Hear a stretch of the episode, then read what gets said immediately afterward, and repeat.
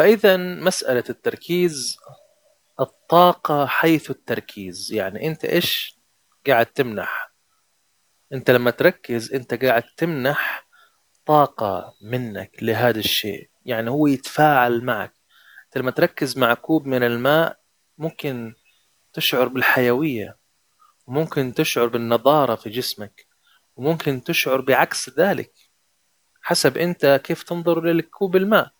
هل تنظر له مثلا إنه يعني فقر مثلا إنه ما عندي غير الماء انه أنا فقير؟ ولا تشعر لا إنه الله الله وجعلنا من الماء كل شيء حي؟ كيف تنظر؟ هذا هو التركيز. أنت عندما تركز أنت تمنح. لما تركز أعطي تقدير لما تركز عليه. أعطي تقدير. إنه هذا الشيء عظيم. أنت لما تستعمل مثلا أنا عندي لابتوب الآن أمامي. أنا لما أستعمل اللابتوب أنا أعطي تقدير أشعر فيه.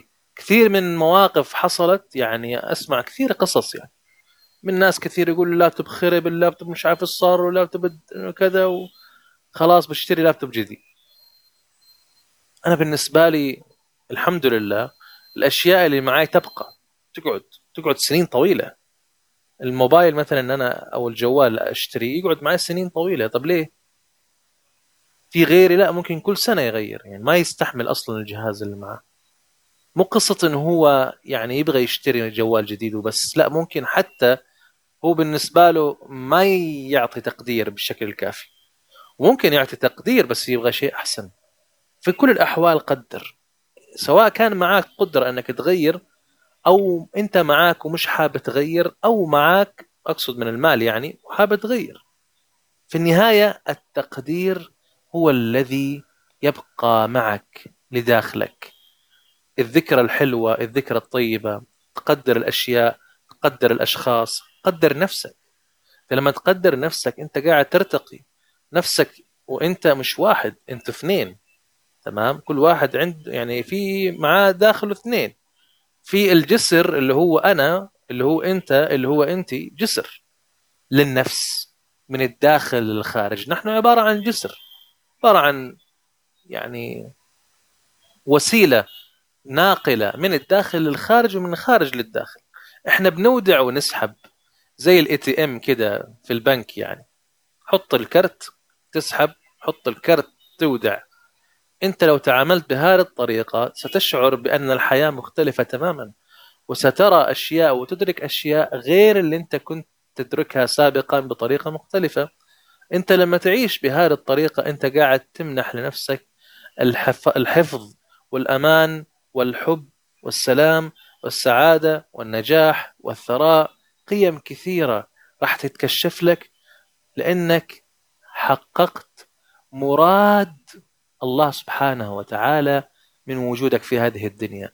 إنه النفس اللي عندك تكون إيه؟ مطمئنة.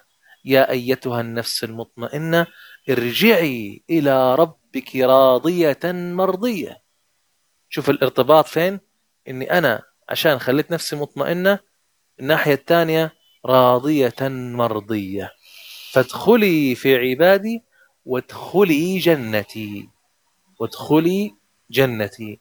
هذه الجنة يا ترى إحنا بنتفكر ونتدبر هل هي في الآخرة بس ولا هناك جنة في الدنيا أيضا؟ ومن دخل جنة الدنيا دخل جنة الآخرة. إذا أنت لما تركز في الشيء قدر أعطي تقدير. ليه؟ عشان يحصل تفاعل. مش بس بتركز عليه وهو يبعد عنك.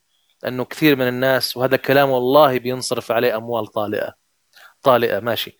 طائلة. بينصرف عليه أموال طائلة. إني أنا أعطيه تقدير. هذا هو السر. حتى ينمو ويزدهر ويتوسع. لما تقدر الشيء إنه والله تقول والله هذا أنا بالنسبة لي يسوى أكثر من الثمن الحقيقي يسوى بكثير. أنا بالنسبة لي أعتبر هذا خدمني عشر سنوات. هذا اللابتوب مثلا قاعد أخاطب اللابتوب. شكرا له شكرا لصانعه شكرا لكل اللي ساهم في إنشاء هذا اللابتوب الرائع العظيم لأنه حقيقة أنا يوميا أستعمله ساعات طويلة يعني أضرب 8 ساعات في 30 يوم في 10 سنوات كم يطلع؟ كم يطلع؟ 2400 ساعة تقريبا؟ يعني هذا يعني 30 يوم 42 في 10 شهور 2400 ساعة. لو قلنا السنة 10 شهور مثلا يعني هذا 24000 ساعة. متخيل الرقم؟ يا الله أنا استهلكت هذا اللابتوب. أكثر من 24000 ساعة.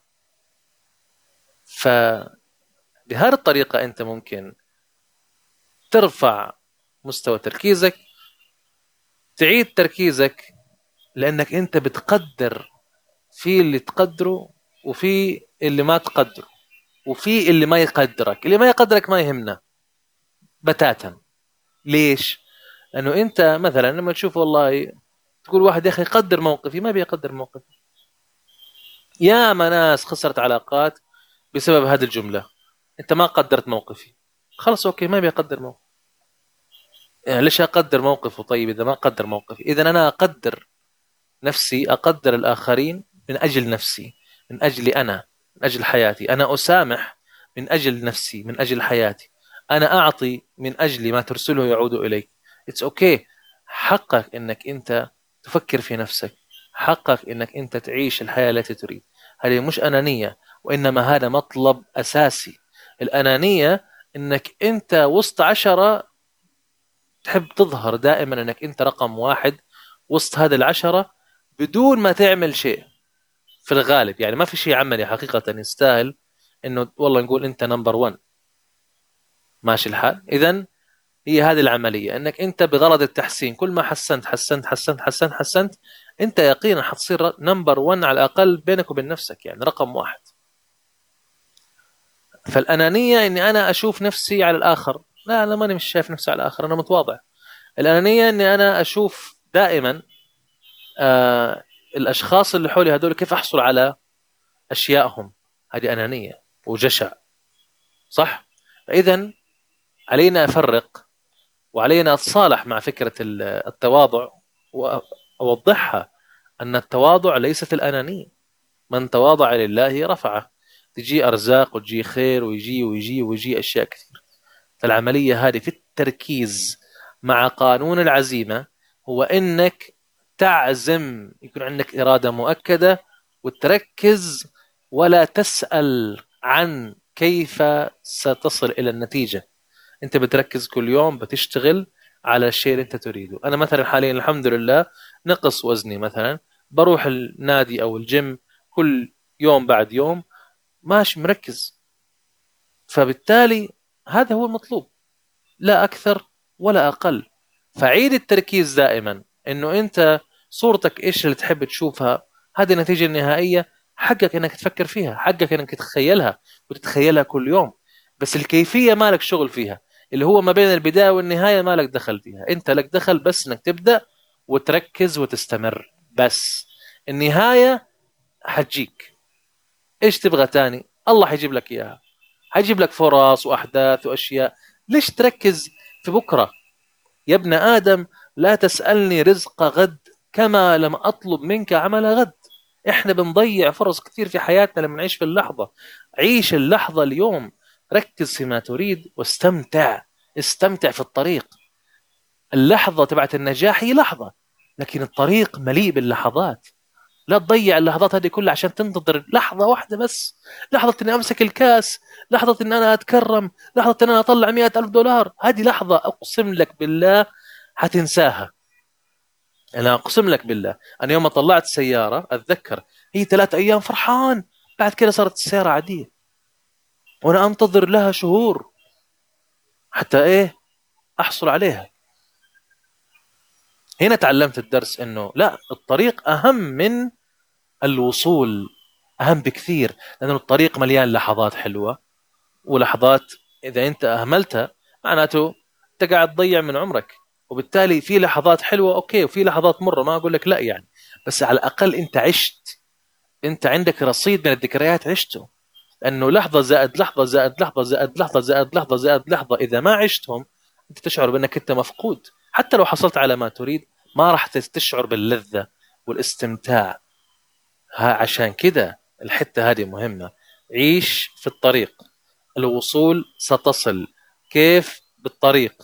كيف بالاستمرارية؟ استمر والمستمر منتصر.